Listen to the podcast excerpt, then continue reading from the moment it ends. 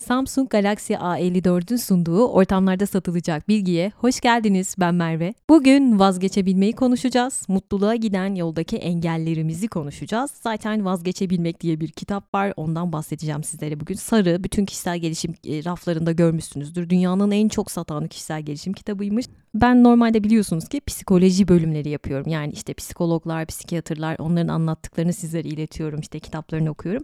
Bugün bir kişisel gelişim kitabıyla geldim. Çünkü çok fazla istendi. Merve bunu okuyup bize anlatır mısın? Okey. Baştan uyarayım elçiye zeval olmaz. Şimdi başlıyoruz. Kitabın yazarı Guy Finney arkadaşlar Amerikalı 1949 yılında doğmuş. Müzisyen normalde rock müziğiyle uğraşıyor. Babası da oldukça ünlü bir konuşmacı Larry Finney ve bu yazarın hayatı hep böyle ünlülerle geçmiş. Kaliforniya'da büyümüş. Hayatı çok güzelmiş falan böyle. Televizyon şovları yapıyormuş. Oldukça zenginmiş ama içinde bir yerlerde bütün zenginlerde olan tarif edemediği bir boşluk hissi oluşmuş bir anda ve 30 yaşındayken bu boşluğu doldurmak için bir anda müziği terk etmiş ve uzak doğuya işte Hindistan'a falan falan gitmiş ve müzik kariyerini şak diye bırakmış. Amacı da öz farkındalık kazanmakmış. E, işte bu manevi arayışı onu en sonunda Amerikalı çok ünlü bir filozof ve ruhani bir lider daha doğrusu Vernon Howard'la tanıştırıyor ve onun çok sadık bir müridi öğrencisi oluyor. Sonra işte kitaplar yazmaya başlıyor ve kitapları 16 dile çevrilmiş, çok satmış. Bir de Finney 25 senedir eğitim veriyor. İşte Jung psikolojisi, doğu felsefeleri, mistisizmi bunları harmanlayan da bir yazar. Ve onun yazılarıyla böyle aman tanrım hayatım değişti diyen de çok bu ne ya hiçbir etki yaratmadı bende diyen de var. Neyse çok istendi hadi başlayalım. Şimdi vazgeçebilmek e, yazarın yaptığı bir şey zaten. Hani zirvede bir kariyeri onca serveti bırakıp böyle elinin tersiyle itip içindeki o manevi boşluğu aramaya yönelmesi gerçekten enteresan. Benliğimize ket vuran şeyler nelerdir? Neden bir türlü mutlu olamıyoruz? Nasıl gerçek bene ulaşırız özümüze? Her vazgeçiş bir kaybediş midir? Bunları sorgulamış. Ben de sizlerle paylaşacağım önemli gördüğüm yerleri. Şimdi madem mutluluğa giden yolda önümüzdeki engelleri anlatacağım az sonra. O zaman altını çizdiğim bir yerle açılışımı yapayım. Mutluluğun bize gelmediğini, bizden geldiğini bir kez anladık mı? Her şey açıklığa kavuşur demiş yazar. Şimdi vazgeçebilmek ama neyden vazgeçebilmek? Bizi aşağı çeken kötü alışkanlıklardan, bizi asla tatmin etmeyen sağlıksız bir ilişkiden, bizi tamamlamayan bir kariyer seçiminden ya da başkalarının hakkında onlarla ilişkimizi mahveden gerçek dışı beklentilerimizden. Kısacası bize iyi gelmeyen, artık işimize yaramayan şeylerden vazgeçebilmek. Bu tıpkı bir uçurtmanın ipinin kopması gibi arkadaşlar. Uçurtmanın ipi kopunca yere çakılmaz değil mi? Yükselir. Çünkü zaten onun doğası budur. Yükselmek için yapılmıştır uçurtma. Yani gerçekte olduğunuz kişiye ulaşabilmek için bazen bir şeyleri geride bırakmanız, vazgeçmeniz gerekir diyor Guy. Tüm zamanların en bilge kişileri her zaman öncelikle neyin yanlış olduğunu ortaya koyarlar. Ben bunu sevdim. Yani neyin doğru olduğuna ulaşmak için önce yanlışı bulmanız gerekiyor diyor. O zaman vazgeçebilmek deyince aklınıza ne geliyor? Çünkü vazgeçebilmek şu değil. Acaba neler olabilirdi gibi hayallerle yaşamak değil. Burada bir yanlış var. Karşımdaki insanın hatalı olduğundan kesin kez emin olmam değil. Eski bir soruna yeni bir çözüm aramak da değil. Beklentileri düşürerek o ağırlığın altında ezilerek yaşamak da değil. Geçmişi anımsayıp böyle acı çektiğimiz şeylerden kaçmaya çalışmak değil. Geride bırakarak aman ne iyi yapmışım diye kendimi inandırmak zorunda olmam da değil. Beni haklı çıkaracak kişileri böyle umutsuzca aramam da değil geride bırakmak bizim dışımızdaki bir şeyi bırakmak da değil. Bunu şöyle düşünebilirsiniz. Hani ağaç böyle olgunlaşan meyvelerini döker ya bu doğal bir süreçtir. Çünkü hem ağacın hem insanın doğasında bu vardır. Artık gerekmeyeni bırakmak vardır. Geçmişteki yenilgilerin yükünü sırtımızdan atmak vardır. Hani bir bölümde demiştim ya ama bile isteye acısına tutunan insanlar var. Çünkü o acıyı çıkarsa hayatından hiçbir şey kalmayacak. O acıyı peşinde bile isteye sürükleyenler, o acısı, o yenilgisi böyle böyle bir iple arkasından bağlı tıpkı bir kedi kuyruğuna bağlanan hani o lanet olası tenekeler vardır ya onlar gibi. İstese o ipi kesebilir dönüp arkasını kesebilir ama kesmiyor işine gelmiyor. İstiyor ki o teneke korkunç sesler çıkarsın ve herkes ona baksın. Onun acısını görsün bilsin onaylasın. Çünkü onun tenekesini alırsanız hiçbir şey kalmayacak. Önce bunu kavramamız gerekiyor. Yani bu benim ne işime yarıyor? Beni üzgün yapmaktan başka ne işime yarıyor diye bir sormak lazım. Bir enkaza tutunuyorsun belki ama farkında değilsin. Bunu anlamayan insanlar var diyor Gay.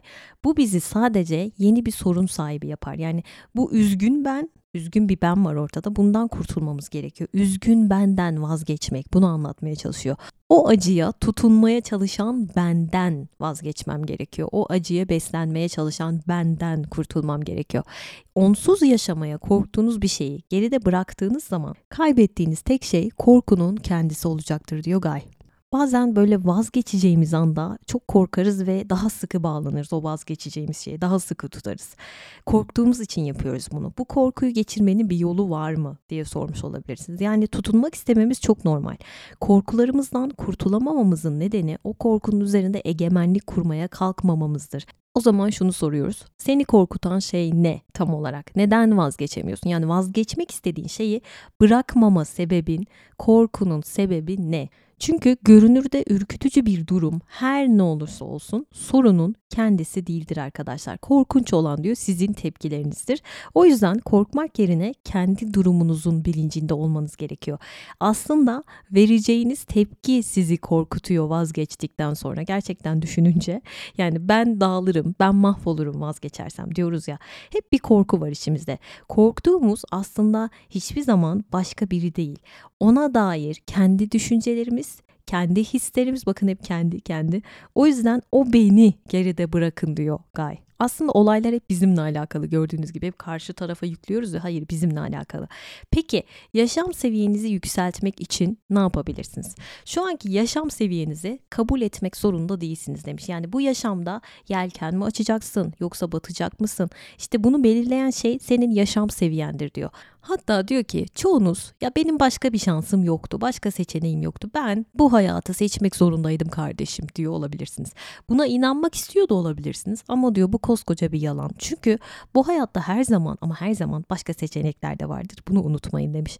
Şu anki yaşam deneyiminiz zaten seçmiş olduğunuz şey her neyse o. Onu yaşıyorsunuz. Siz bir gün bir yerlerde bir şey seçtiniz ve şu anda onu yaşıyorsunuz. Ve bu hayatta her zaman bir seçim şansınız var diyor. Madem seçme şansımız her zaman var bu hayatta. O zaman neden acayip iyi bir şey seçmiyoruz? Mesela Samsung Galaxy A54 gibi. FHD Plus Super AMOLED adaptif bir ekrana sahip, büyük 6.4 inç Infinity O ekran ve aynı zamanda göz koruma kalkanıyla mavi ışığı azaltıyor Geniş pikselli nightography özelliğiyle her çekimde aydınlık görüntü elde etmenizi sağlıyor. Optik görüntü sabitleyici teknolojisiyle hareket halindeyken bile titreşimsiz ve net bir görünüme sahip fotoğraf çekimleri ve video kayıtları yapabiliyorsunuz. Suya ve toza karşı dayanıklı, Smart Switch uygulamasıyla işletim sistemi fark etmeksizin tüm verilerinizi güvenli bir şekilde yeni Galaxy telefonlarınıza aktarabiliyorsunuz. Bu işlem için her iki cihazda da Smart Switch uygulamasının yüklü olması yeterli arkadaşlar. Bugün konumuz vazgeçebilmek ama Samsung'dan vazgeçilemeyeceğini en iyi Samsung kullanıcıları bilir demek istiyorum. Siz de açıklamalara bırakmış olduğum linkten Samsung Galaxy A54'ü hemen inceleyebilirsiniz. Hadi devam edelim. Seçimlerimizden bahsediyorduk. Hani benim sevdiğim bir şiir var ya Robert Frost'un Gidilmeyen Yol şiiri. Bir ormanda yol ikiye ayrıldı ve ben ben gittim daha az geçilmişinden diyor. Çok severim o şiiri. Aynı onun gibi işte. Hayat yaptığımız seçimlerden ibaret ve burada diyor ki eğer şimdiye kadar olan seçimleriniz sizde bir tatminsizlik ve bir yarım kalmışlık duygusu bıraktıysa seçimlerinizi sorgulamayı bırakın, suçlamayı da bırakın. Sorunun seçen kişide yani sizde olduğunu bir zahmet artık görün diyor. Siz ve size her gün olanlar yaşam seviyenizin bir yansımasıdır. Yani diyor ki bizim için yaşamın ne olduğunu, ne çeşit bir insan olduğumuz belirler, yaşam seviyemiz belirler.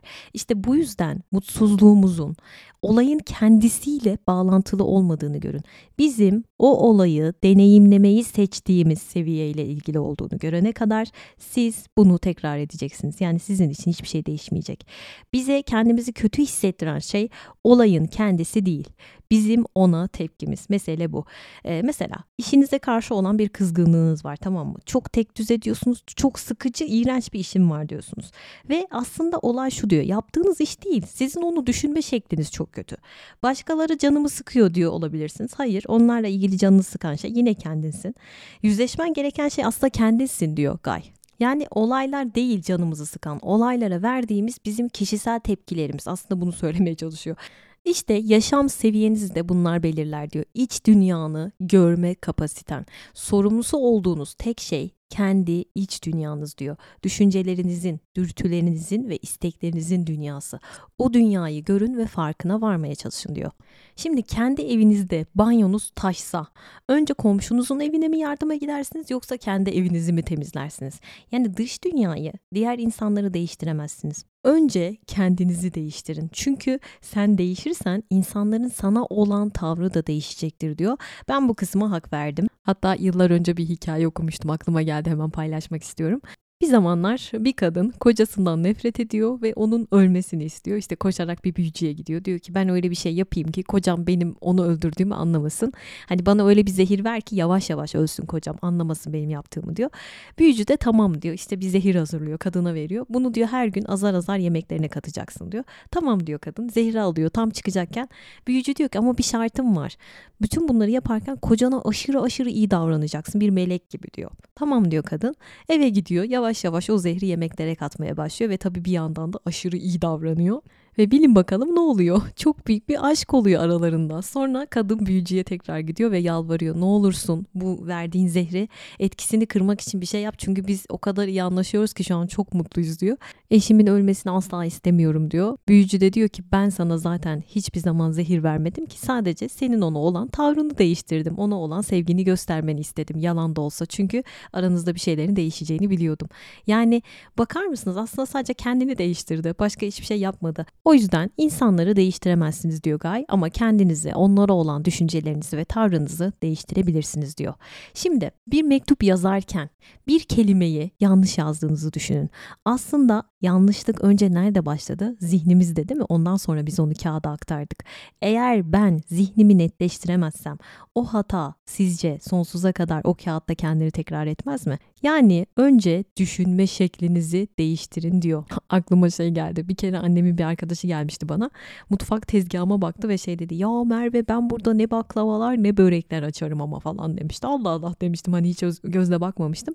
Ama bir başkası da şey dedi. Bu ne ya kazulet gibi mutfağın ortasında demişti mesela. Sorun mutfak tezgahım değil. Ona bakan kendi dünyasından bir şey koyuyor ortaya. Yani bunu görmüş oldum. Sorun bazen gerçekten bizim düşünme şeklimizde ya. Bir başka öneriye geldim. Mutluluğun kendiliğinden geldiği. Gerçek mutluluk çaba gerektirmez demiş Gay. Bir yerde çaba varsa her zaman plan vardır. Her plan bir şeyi yapılandırmak içindir ve bu durumda planlarımız mutluluğumuzu yapılandırır ve bu önceden kabul edilmiş planla zihnimize bir mutluluk resmi kazırız. Ve sonra ne yaparız? Her bir yaşam olayına, yaşamın bize getirdiğini deneyimlemek yerine zihnimizdeki o resmi aramak için bakarız. Sürekli bir mukayese içerisine gireriz. Bir sevgili istiyorum ama işte kriterlerim şunlar şunlar diyen birini düşünün. Böyle rastgele önüne biri çıksın, çok da muhteşem biri olsun ama o kriterlere de uymasın. Şans bile vermiyor. Bu insan mutluluğu bulabilir mi? Çünkü zihninde kazılmış bir resim var. Mutluluk için önceden plan planları var. Olmuyor işte. Kafasındaki çizdiği hayali insanı arıyor. Ama mutluluk yapılabilecek bir şey değil. Hiçbir şeyin sonucu değil. Yani mutluluk aranarak bulunacak bir şey de değil. Onun peşinde koşmak da mutluluk gelmeyecek. Arayarak bulan varsa bize de söylesin. Yani mutluluk, mutluluk hakkındaki düşüncelerinizi geride bırakmaktır demiş. Sırada başarı var, mutluluğun önündeki engellerden biri. Ve başarı da bazen mutsuzluk verebiliyor. Rekabete döndüğü zaman, o hırs sizi yiyip bitirdiği zaman, özgürlüğümüz elimizden alındığı zaman, kendinizi günden güne o kazanma baskısı yüzünden her gün daha mekanik bir şekilde hareket ederken buluyorsanız, kendinizi tamamlanmış hissedeceğinize na tamam hissediyorsanız, hayal kırıklığına uğramış hissediyorsanız, evet başarı da bazen mutluluğa engel olabilir. Ona yüklediğiniz anlama göre değişiyor. O başarı sizin yan yalnızca sayı yapmanıza, skor yapmanıza izin veriyorsa, asla kasmayı bırakmanıza izin vermiyorsa, orada sadece rekabet varsa, sizin ilişkilerinizi, günlük hayatınızı kısıtlıyorsa, yaşamınız zevkten çok artık ızdıraba dönmeye başladıysa, evet orada bir sorun var. Her şeyi bırakıp gitmek istiyorsanız ama gidemiyorsanız, yaşamı güzel kılan, daha değerli kılan, kalıcı şeylere önem vermeyi bıraktıysanız, böyle kendinizle baş başa kalmak için küçük, mutlu bir an için fırsat kolluyorsanız ama o anları hep böyle hayal ederken buluyorsanız, gerçekleştirirken değil, hayal ederken buluyorsanız küçücük mutlu anları bile vazgeçeceğiniz yer işte orasıdır o başarıdan. Ama Mevlana'nın bir sözü vardır. Her şey üst üste gelip seni dayanamayacağın bir noktaya getirdiğinde sakın vazgeçme. Çünkü orası senin kaderinin değişeceği yerdir. Ben çok severim bu sözü ama az önce dediklerimi düşününce bir böyle çelişkide kalmadım arada kalmadım değil. Ama Guy bunu şöyle açıklıyor diyor ki bizi kazanmaya yönlendiren hiçbir şey yönlendiren diyorum dikkat bizi gerçek zafere asla götürmez. Çünkü herhangi bir şey yapmaya yönlendirilen birisi kendi dışındaki güçler tarafından kamçılanır.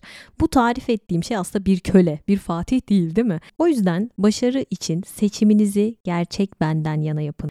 Ve başarınızın ölçütü ne? Bunu bir sorun kendinize. Kişisel mutluluk mu? Sizin acı çekmenize sebep olan şey o başarının bir parçası olabilir mi? Bir sorun kendinize. E biz şimdi acı çekelim ki gelecekte mutlu oluruz. O zaman meyvelerini yeriz diyorsanız eğer kendinizi denize atın. Sonra hadi olur da kurtulursanız nasıl rahatlayacaksınız ama demekle aynı şey değil mi bu diyor soruyor. Bebeğim burası Türkiye ya burada YKS var KPSS var dedim tam burada. Yani ben buna katılmıyorum. Ben diyorum ki başarının bedelini bir dönem için ödemezseniz başaramamanın bedelini bir ömür boyu ödersiniz diyorum. Aslında burada esas olan şu. Zorlayıcı dışarıdan gelen bir istek mi? Hani işte ben babam istedi diye tıp okuyorum. KPSS'ye çalışıyorum. Memur olmak istiyorum ama babam istedi diye. Hani yönlendirilme var dedim ya. Beni arkamdan iten biri mi var? Aslında bunu demeye çalışıyor Gay. Ben bunu istemeye zorlanıyor muyum? Bunu sorun kendinize. Sizi zorlayan biri var mı? Aslında başarı derken hani olay bu. Gay burada haklı bence. Yani o ayrımı yapmak lazım. Yaşamda itekleniyor muyum? Kendinize bunu sormanız lazım. Başarı için sizi itekleyen biri var mı arkanızdan? ya hani bir adam vardı ya kanala düşmüştü sarhoş beni sen mi iteledin la diyordu. Aklıma o geldi. Yani beni sen mi iteledin la dediğiniz biri var mı bunu sorun. Gelelim yeni bir konuya. Diyor ki siz olduğunuzu düşündüğünüz kişi değilsiniz diyor Gay. Aynı üzerinizden geçen kara bulutların o gökyüzü olmadığı gibi. Kara bulutlara bakıp gökyüzü der misiniz? Hayır o bir kara bulut. Yani hayatınızda beklenmedik bir olay olduğu zaman kendi değerinizi o olay üzerinden biçmeyin. O bir kara bulut, gökyüzü değil. Bu ayrımı yapın ve kendinizi o olay üzerinden tanımlamayın. Bir sahte kimlik yaratmayın ki çoğumuz zaten böyleyiz. Yaşam deneyimlerimizin toplamıyla bir karakter yaratmışız ve geçmişimize ait kurgularla yaşıyoruz. Şöyle bir hikaye var arkadaşlar. Zamanın birinde bir adam uyandığında kendini tanımadığı bir odada buluyor.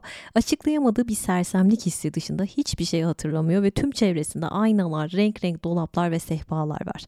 Yer tanıdık ama orada ne aradığını bilmiyor. Sonra bir fark ediyor burası bir tiyatronun soyunma odası ama burada kendi rolü ne bu tiyatroda ve aynaya her bakışında keskin bir acı hissediyor. Çünkü aynada ona bakan kişinin kim olduğunu bile bilmiyor, emin değil.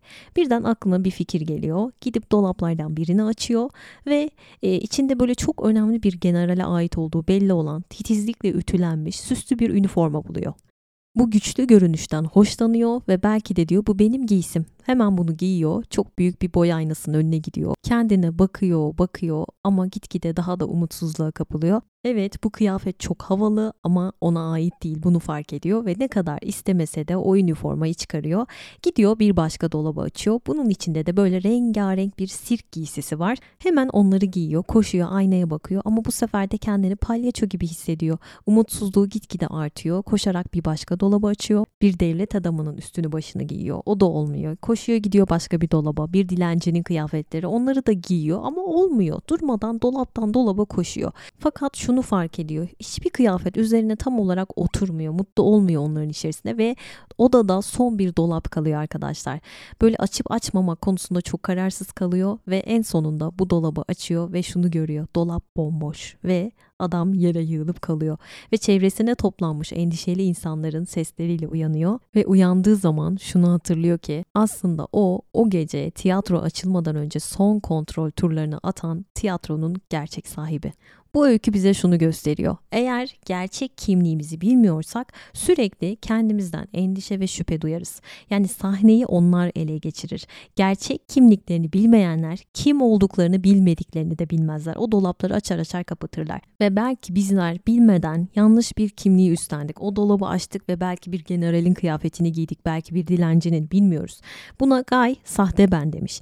Ve sahte benimiz bize gerçekmiş gibi gelir. Kendimizi tamamlanmış hissetmek için o yaptığımız arayışlarda, oradan oraya koşmamız nedeniyle yarattığımız o tepki seli tarafından harekete geçer sahte ben ve yönlendirilir. Bir buldozer gibi yol boyunca ilerler ama asla neyi ezdiğini bilmez. O sahte ben böyle bir makinedir diyor. Sahte ben gücünü olumsuz duygusal tepkilerden alır ve bu tepkilerde artık alışkanlık haline gelmiş yanlış düşünme şekliyle devam ettirilirler diyor. Ve bu düşüncelerin doğmalarına neden olan olayların etkisi azaldıkça mecburen o zayıflar ve sahte benin sahte yaşamı burada sona erer.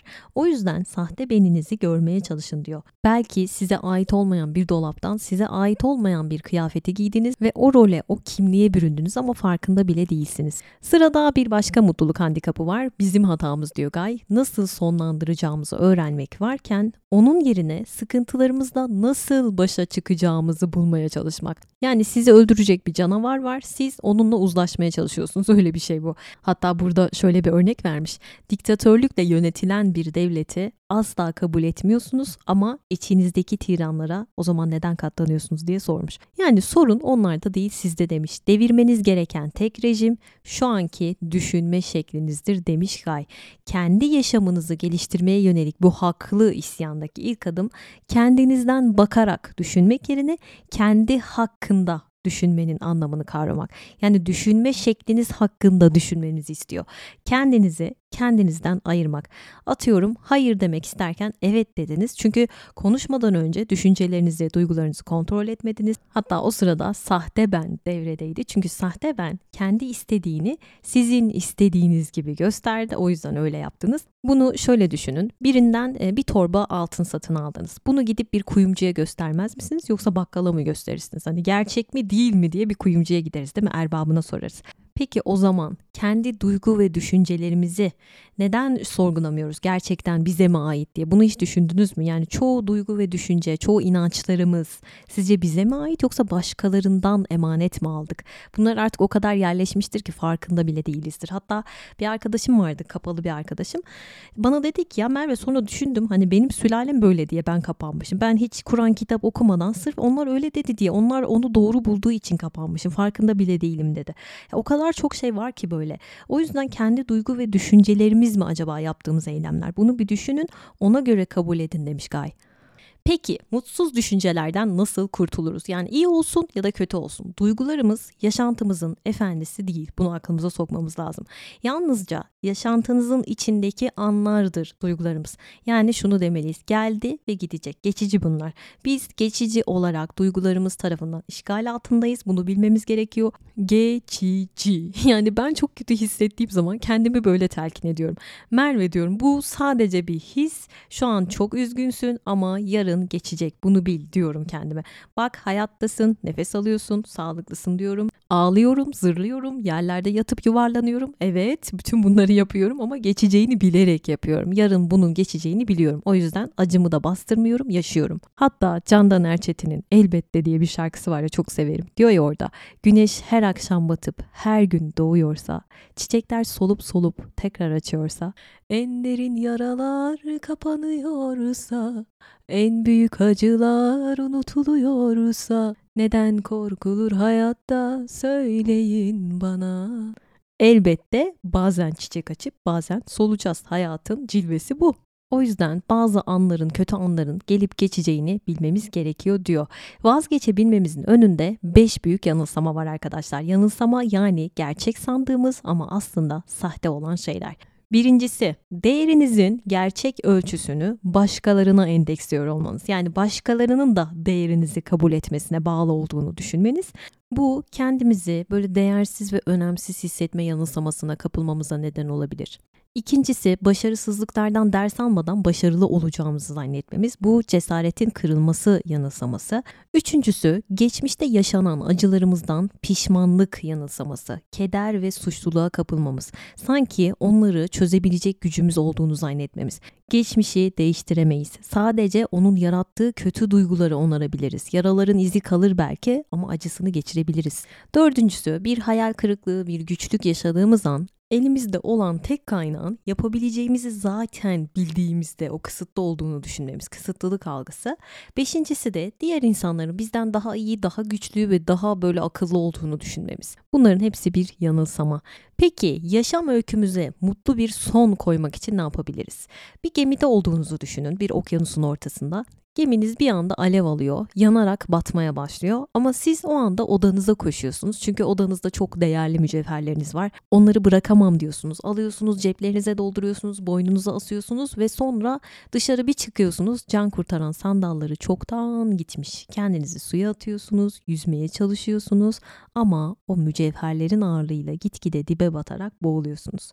İşte bizler de mutsuz düşüncelerimizde aslında o duygu okyanusunda boğuluyoruz endişe, depresyon, öfke, kızgınlık gitgide dibe vuruyoruz bunlarla. Kalbimize astığımız bu prangalarla, bu ağırlıklarla. Gemi batıyor görüyoruz ama kameraya koşuyoruz. Can kurtaran sandallarına gitmiyoruz. Hipnotize olmuş benliğinizden kurtulun diyor Gay. Gerçekten değerli olana odaklanın diyor. Yazan Titanic batarken hala şov peşinde olan pişman kemancı. Eğer kendinizi değiştirmek istiyorsanız kendinizi gözlemleyin diyor. Yani içsel bakışınızı geliştirin. Tek başınıza kendinizi tanımanın tek yolu budur diyor. İçinizdeki gerçek evinize geri dönerken tüm yolda size rehberlik edecek tek şey içinize bakmanız. Mağarada yaşayan yarasa için ışık neyse kendini gözlemlemenin o aşağı benliğimiz içinde aslında aynı şey olduğunu göreceksiniz. Aynı yarasanın güneş ışınlarına dayanamaması gibi olacak. Sahte ben de bu ışık altında yaşayamayacak olmayacaktır diyor. Kendi içinize baktığınız zaman gerçekleri göreceksiniz. Sırada içsel çalışma var arkadaşlar. Başkalarını memnun etmeye mi çalışıyorsunuz yoksa kendi tatmininiz için mi bir şeyler yapıyorsunuz diye sormuş. Çünkü bir şeyi yalnızca böyle başkası değerli kabul ettiği için mi değerli sizin için onun için mi uğraşıyorsunuz? Bunu görmüş oluyorsunuz. Kendimizi başarılı hissetmek için başkalarının onayına mı muhtacız? Bunu bir sorgulayalım. Başlangıçlar ve sonlar, başarısızlıklar ve başarılar. Yani bu şekilde düşünmeyi de bırakın diyor. Yaşamımızdaki her şeyi bir şeyin kanıtı olarak değil, bir öğrenim deneyimi olarak görmeye başlamalısınız diyor. Enerjinizi kendinizi başkalarına ve kendinize kanıtlamaya çalışmakla boşa harcamayın diyor. Önemli olan sizin içsel zaferiniz. E, bir arkadaşım üniversite sınavını kazanamamıştı. O kadar çok çalışmıştık ki ve çok üzüldü haliyle. O zaman abisi demiştik ya üzülme o kadar çok şey öğrendin ki hiçbir şey boşa gitmedi. Sana tabii ki bir şeyler kattı demişti. Biz tabii hiç o perspektiften bakmadığımız için aa doğru söylüyor falan demiştik. Aslında hiçbir şey boşa gitmiyor hayatımızda. Ya da işte bir yere gitmek için yola çıkıyorsunuz belki. O gideceğiniz yere varamıyorsunuz. Bu sizce başarısızlık mı? O yolda öğrendikleriniz, o deneyimleriniz ne olacak? Bence esas başarı bu diyorum ya. Hani bir yere varmayı değil, o yolda olma halimi seviyorum. Hep söylüyorum. Bu da deli mi ne demiş olabilirsiniz.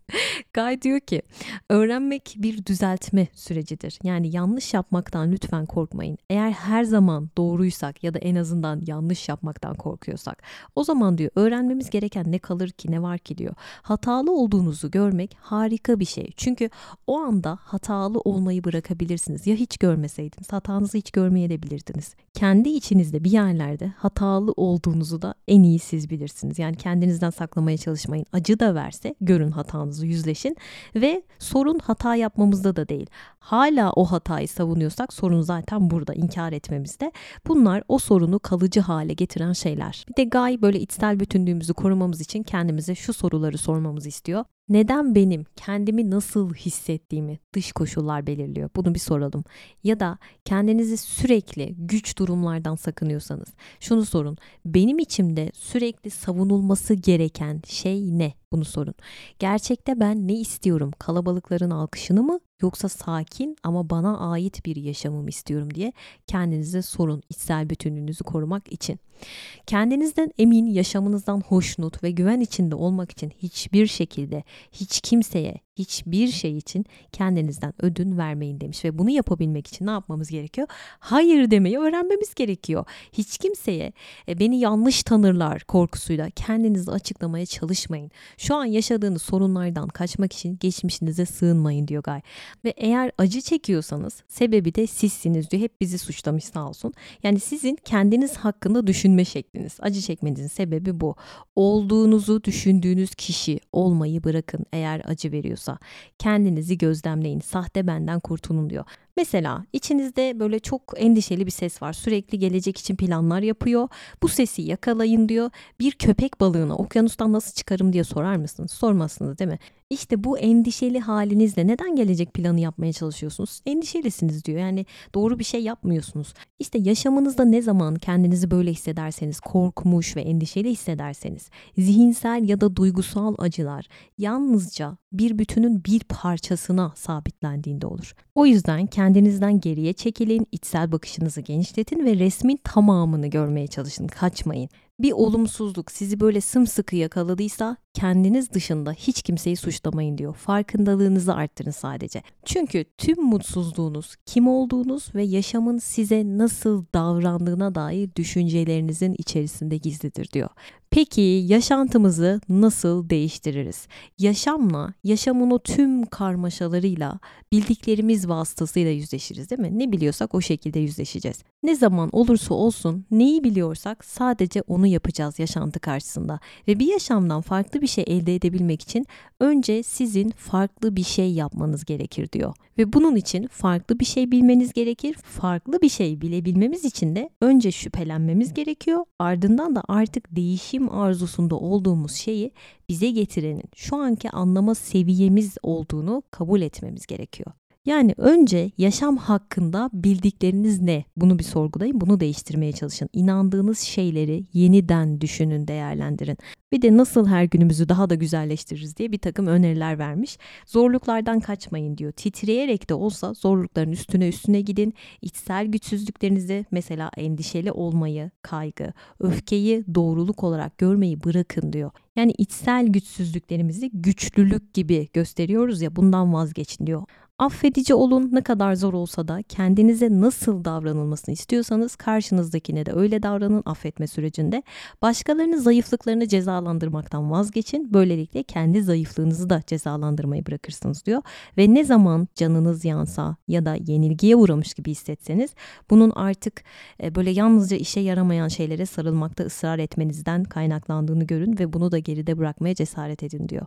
Ve diyor ki insanlar kendi paylarına düşen çabayı gösterme görmeden bir şeylerin onların ayağına gelmesini istiyor. Yani onlar için yapılmasına çabalıyorlar. Yaşamlarını bu şekilde harcıyorlar. Aynı uçurtma uçurtmak gibi. Yani eğer e, uçurtmayı böyle yukarıda esen rüzgara göre ayarlarsanız doğru bir şekilde tutarsanız zaten uçar diyor. Doğu'nun bilgi kitabı Tao Te Ching'de der ki insan yola sadık kaldığında hoşnutluğunun sonu gelmez der. Yani yola sadık kalmak burada önemli olan hani rüzgarı bilmek diyoruz ya. Mesela uçurtma uçurmak isteyen ama rüzgar ile ilgili hiçbir şey bilmeyen bir çocuk düşünün. Ne olacak? Hayal kırıklığına uğrayacak. Ama sonra rüzgarı öğrenecek, bilecek, tanıyacak, doğru bir çaba gösterdiği zaman uçurtması zahmetsizce uçacak. Yani kendi payınıza düşen çabayı göstermeniz gerekiyor diyor bu hayatta. Rüzgarın yönünü öğrenmeye çalışmamız gerekiyor. Mutluluğu engelleyen şeylerden biri de özel birisi olmak zorunda olduğumuza inanmamız demiş yazar. Neden herkes özel biri olmak ister diye de sormuş. Çünkü özel biri olmak bizi güç sahibi biri gibi yapacak. Ama kendi öz değerimizi eğer buna göre belirliyorsak burada bir sıkıntı var. Guy diyor ki tüm gerçek ruhsal gelişmelerin öncesinde bir kriz vardır. Çünkü gerçek bir düşünsel büyüme kişinin kendi önünü tıkayan duygu ve düşüncelerinden kurtulma sürecidir. O kriz anında, o çatışmada tabii ki bir acı olacak. Bu bilinç dışı psikolojik ve duygusal acı bilinç seviyesine ulaşınca kriz olarak yaşanacak hayatımızda ve bu kriz kendimizi kandırdığımız bir yalanın aslında ne olduğuyla yüzleşme anımız. Örneğin birini düşünün. Kendini böyle iyilik meleği zannediyor ve aslında e, başkaları hakkında o kadar kötü sözler söylüyor ki acımasız eleştiriler, arkalarından dedikodular yapıyor falan. Ve sonra bir anda kendini ne yaptığını fark ediyor. Bakın iki yüzlü ve aslında gerçek kendisiyle yüzleşiyor. Sırf insanlar ona iyi desinler diye taktığı bir maske var. O maskeyle yüzleşiyor, gerçeklerle yüzleşiyor. Bu çok acı değil mi? Kriz anı işte. Bu bir büyüme fırsatı aynı zamanda. Burada uykudan uyanın ve her şeyi kendinizi gerçekte olduğu gibi görün diyor. Yüzleşin ya kendinizde. Hani mış gibi yaşamayın diyor. Ben bu kısmı öyle adlandırdım. Bir de yaşam ne istiyorsa siz de onu isteyin. Yaşamdan farklı talepleriniz olmasın diyor. Kolay bir yaşam istiyorsanız gereken şey bu diyor. Çünkü mutsuzluğunuzun sebebi yaşamın getirdiklerine karşı vermiş olduğunuz tepkilerdir diyor. Kendi isteklerimizin gürültüsü altında yaşıyorsak eğer, yaşamın getirdiklerini reddediyorsak bunu nasıl anlarız? Şöyle, kendinizi çok sıklıkla endişeli, gergin hissediyorsunuz çünkü evdeki hesap bir türlü çarşıya uymuyor. Yaptığınız planları yaşam alt üst ediyor ve siz şoka giriyorsunuz. İstediğinizi elde etmek için her şeyinizi feda etmeye hazırsanız, benlik bütünlüğünüz de dahil Burada da anlarsınız. Genellikle e, bir sonraki zaferinizi tasarlıyorsanız ya bir savaştasınız ya da çıktığınız savaşın yaralarını sarıyor haldeyseniz sürekli. Gerek duyduğunuzda sakince dinlenemiyorsanız, yolunuza çıkan engeller karşısında çıldırıyorsanız, sonsuza kadar bir şey istemeye güdümlü gibi hissediyorsanız kendinizi, bir şey elde ediyorsunuz başka bir şey istiyorsunuz. Sürekli bir isteme halindeyseniz ve sizinle aynı şeyi isteyen başka herkese karşıysanız eğer, sahip olduğunuz tek şeyin olduğunuz kişi olduğundan eminseniz, sürekli kendinizi istediğiniz şeye sahip olduğunuza inandırmaya çalışıyorsanız evet burada bir sıkıntı var. Eğer yaşamın istediğine kulak verirsek bunu nasıl anlarız? Şöyle ki olanlar bizi asla hayal kırıklığına uğratmaz her zaman doğru zamanda ve doğru yerde olduğunuzu hissedersiniz. Öfke ve endişe yoktur. Çevrenizde olan bitene karşı duyarlısınızdır. Kendinizi bir şeyler kaçırıyormuş gibi hissetmezsiniz sürekli. Hiçbir zaman kayıplar sizi yıkmaz. Düşünsel olarak bir dinginlik içerisindesinizdir ve daimi olarak şükredersiniz. Yani eğer bir istek endişe ve hüzün kaynağı ise o istek size aittir, yaşama değil.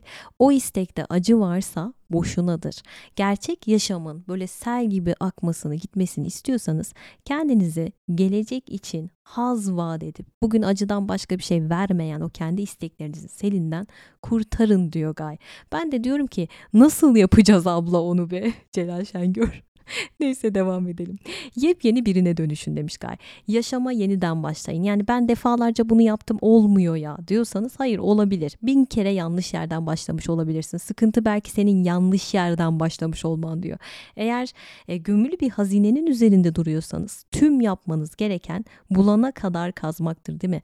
Eğer doğru yerde değilseniz altınızda hazine yoksa sabaha kadar burada isteseniz de hiçbir çaresi yok. Hazine yok çünkü orada kaz kaz dur. Şimdi çok güçlüdür diyor arkadaşlar. Geçmişi kökünden söküp atacak tek şey şimdi, şu an. Her bir şu an yenidir çünkü. Her zaman tam şimdidir.